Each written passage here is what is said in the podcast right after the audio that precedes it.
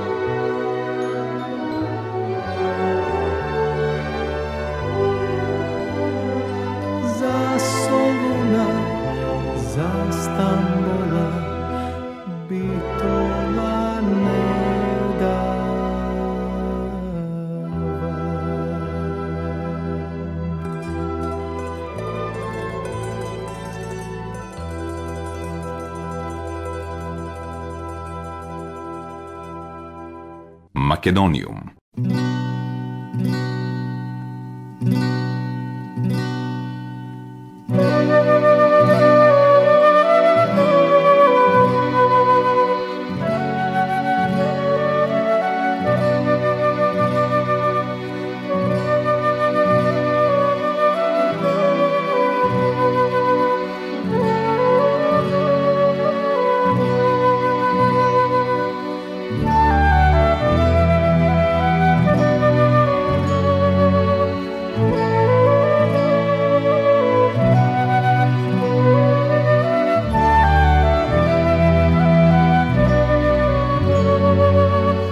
Добар ден и добре дојдовте во најновото издание на емисијата Македониум. Со вас почитувани слушатели, вашиот уредник и водител на оваа програма, секоја среда со почеток во 14 часот и 15 минути на третата програма на радиото Јулијана Милутиновиќ.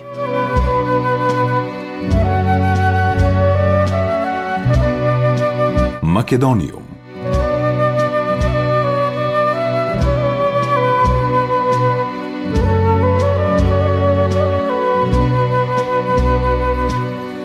Во југозападниот дел на Македонија се наоѓа градот Битола, административен, културен, економски, индустријски, образовен и научен центар за овој дел од земјата.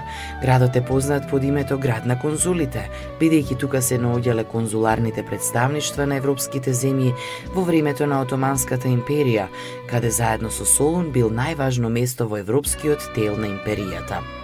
Во периодот од 1864 до 1912 Битола бил главен град на Битолскиот вилает, еден од трите вилаети во регионот Македонија. И денес голем дел од конзуларните представништва во Република Македонија се наоѓаат токму тука. Битола е втор по големина град во Македонија според бројот на жители. За време на Југославија тој бил еден од културните центри како во Кралството Југославија, така и во СФРЈ. Таткото на турската нација Кемал Ататурк завршил офицерска школа во Битола. Некои негови работи ден денес се чуваат во Народниот музеј. Според Андријан Рум, Битола потекнува од зборот обителовој, израз кој до ден денес се употребува и во хрватскиот јазик, кој за време на средниот век се користел за заедница на монаси, како фамилија, односно манастир. Грците од истите причини градот го нарекувале монастири. Градот Битола своето име го добил по големо поседник од Толјо, кој имал своја тврдина во близината на денешното битолско село Буково. Во времето кога дошле турците да го освојат овој дел од Македонија, за да го повикаат на борба големо поседникот Толјо, му велеле Битолјо до Битолјо. За време на отоманската власт, градот се викал манастир, што турците и албанците го усвоиле од грците. По Балканските војни од 1913-тата градот потпаѓа под српска окупација и повторно го добил старото име Битола.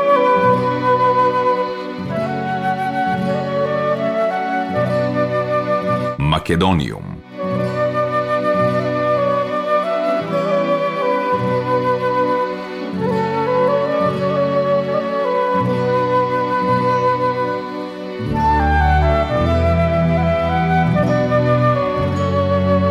Градот има средна годишна температура на воздухот од 11 степени, но со големи одстапувања во одредени години. Најстуден месец е јануари со просечна месечна температура од минус 0,6 степени Целзиусови, но со абсолютна минимална температура од минус 30 степени. Најтопол месец е јули со средна месечна температура од 22 степени и со максимална температура од 41 степен. Абсолютното годишно варирање на температурата на воздухот изнесува 76 степени Целзиусови, што е специфика за континенталната клима. Температурата има карактеристика на континентална клима, а врнежите на сушна изменето медитеранска или степска клима која на моменти има пробиви и на жешки воздушни маси од Северна Африка. Просечното годишно количество на врнежи изнесува 600 мм со различни вредности. Битола исто така, на пример, се појавува на поларна светлина. Преку битола поминува изохазмата, линија која поврзува места со еднаков број на денови со појава на поларна светлост, 0,1, што значи дека на небото над Битола просечно само еднаш во 10 години се појавува поларната светлост. Македониум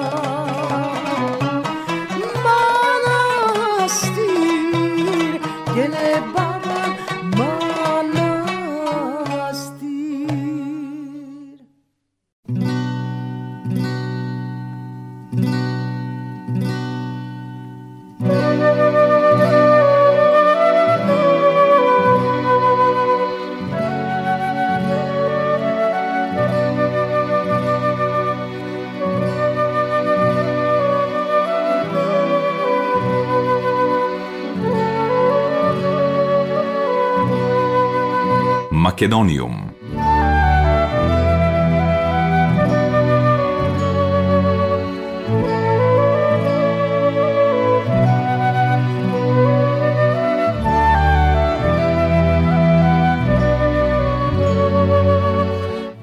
Конзулат во Битола е отворен во 1851 година од страна на тогашната Австро-Унгарска империја, токму на широк сокак. Подоцна тоа ќе го сторат британците и французите, а потоа доаѓаат конзулите од Русија, Италија, Србија, Бугарија и Романија. Првите светилки на широк сокак ја тргнале темницата од саат кулата до офицерскиот дом точно во 17 часот на 24 декември 1924 година. Во тоа време на широк сокак биле сместени представништва на бројни странски компании, престижни кафеани, сладкарници, филијала на Франко-Српската банка. Тој прв конзулски период бил инспирација за бројни песни на конзулите, за пајтоните, за клавирите, за прочуената чкембе чорба, за влашкото мало и жолтите куќи за љубовта. Сонот на битолчани нивниот град повторно да стане конзулски се оствари со самостојувањето на Македонија.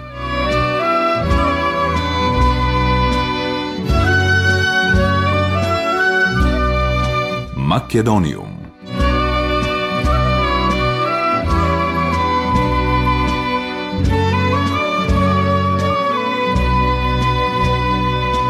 Хераклеа Линкести се еден од најпознатите македонски антички градови лоциран во непосредна близина на Битола. Основан е во средината на 4 век пред нашата ера од страна на Филип II Македонски. Градот бил развиен воено-стратешки центар на северозападната граница на тогашната македонска област Линкестида, денешно Битолско поле. Наоѓајќи се на најзначајната сообраќајница од тоа време, Вија Игнација, Хераклеја станува незина најважна станица во регионот. Во ранохристијанскиот период била епископско седиште. Во Хераклеја се откриени портико со почесни споменици, мала и голема базилика, римска бања, театар, градска чешма на Јустинијан од 6 век, епископска резиденција – Животот во Хераклеа замира кон крајот на 6 век. Денес таа е значајно археолошко наоѓалиште, но и место за културни манифестации. Македониум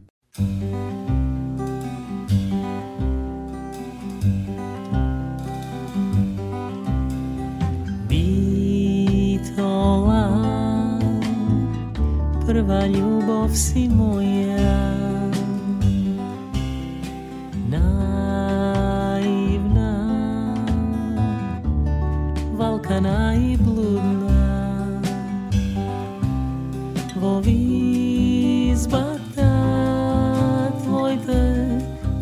Dani ću vam so glasovi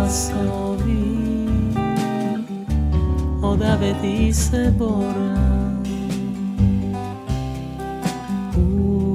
Ušte su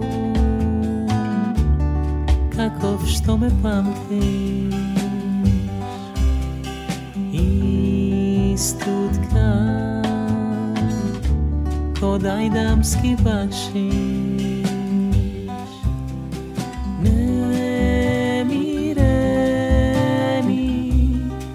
sa menja skitam po kutluci Bez gulabi spijam I sakav da te pregrnjam Da zaplaćam, da pregoram I ljubov gnev, radost obrazam Odlipite da istresam I javli შენთან წინა ოთკუჩამ იმას არ კიდე რაზლეთამ. ოდენდეცი და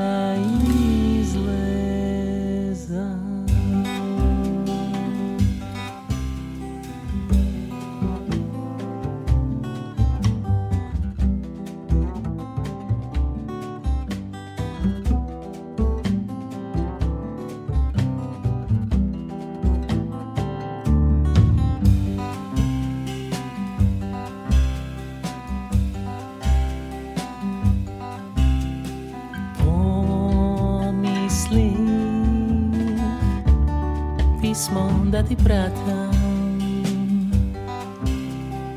Redil dva, rekov da te prašam.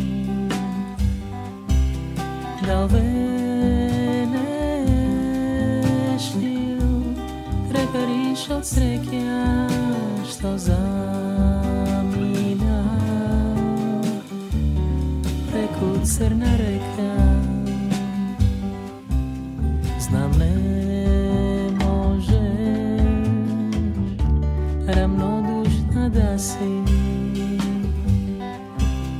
Te prepoznam Ni sokad si prazni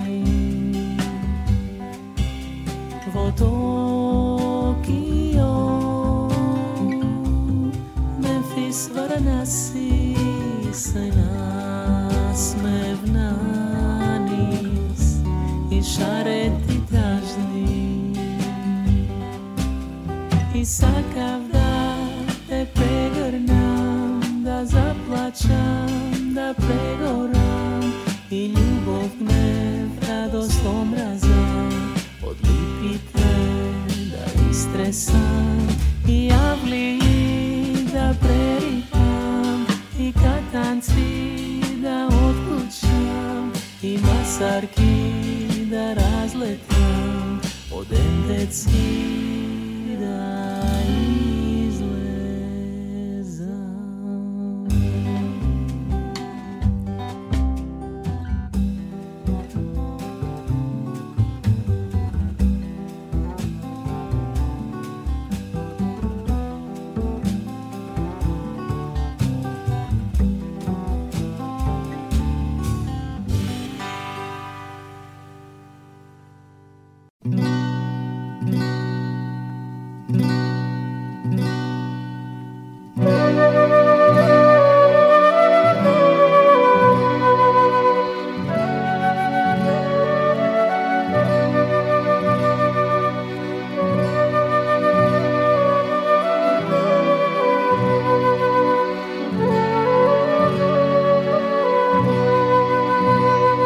Македониум.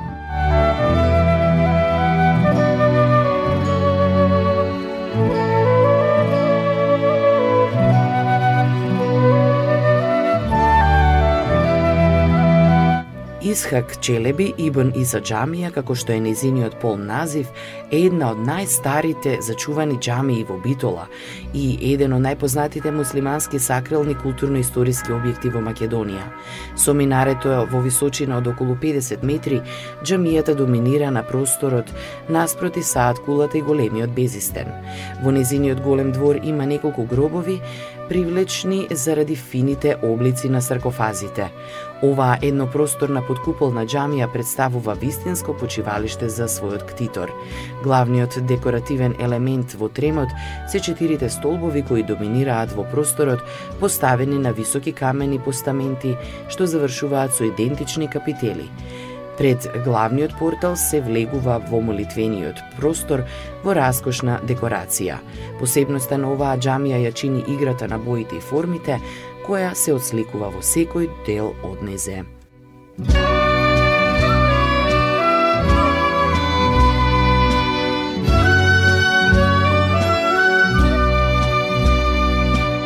Саат кулата е најпрепознатливиот споменик со кој се идентификува Битола. Се наоѓа во строгиот центар каде градскиот часовник доминира во просторот со својата висина и емитува популарна музика кога ги отчукува часовите. Иако не е пронајдена документација за незиното градење, се смета дека е изградена во периодот на турското владење во 14 век заедно со Јени джамија. Висока е 33 метри, поставена на квадратна основа. Од северната страна има полукружен влез и внатрешни спирални камени скали. Поделена е на три ката, а на најгорниот се наоѓа механизмот со часовници на сите четири страни. Најгорниот дел представува мала купола, кој нуди прекрасна панорама на конзулскиот град и пошироката околина. Паркот околу кулата е место каде граѓаните се собираат на бадник и палат свеќи долж тревникот и тротоарот.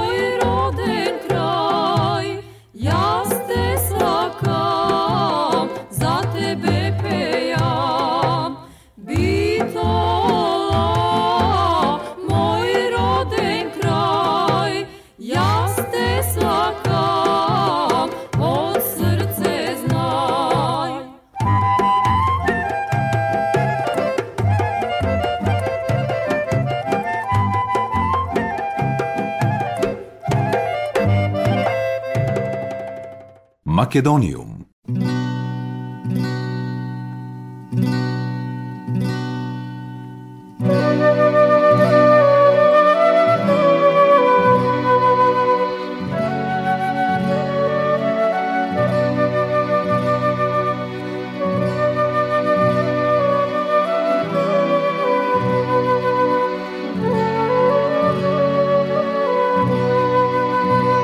Македониум.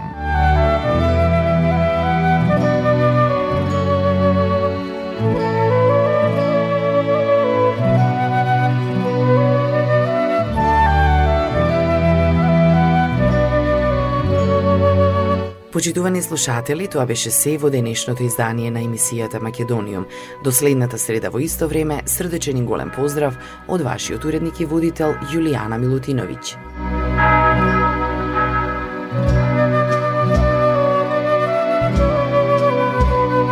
Ја следевте програмата на македонски јазик, емисија Македониум. Главен и одговорен уредник Воин Поповиќ.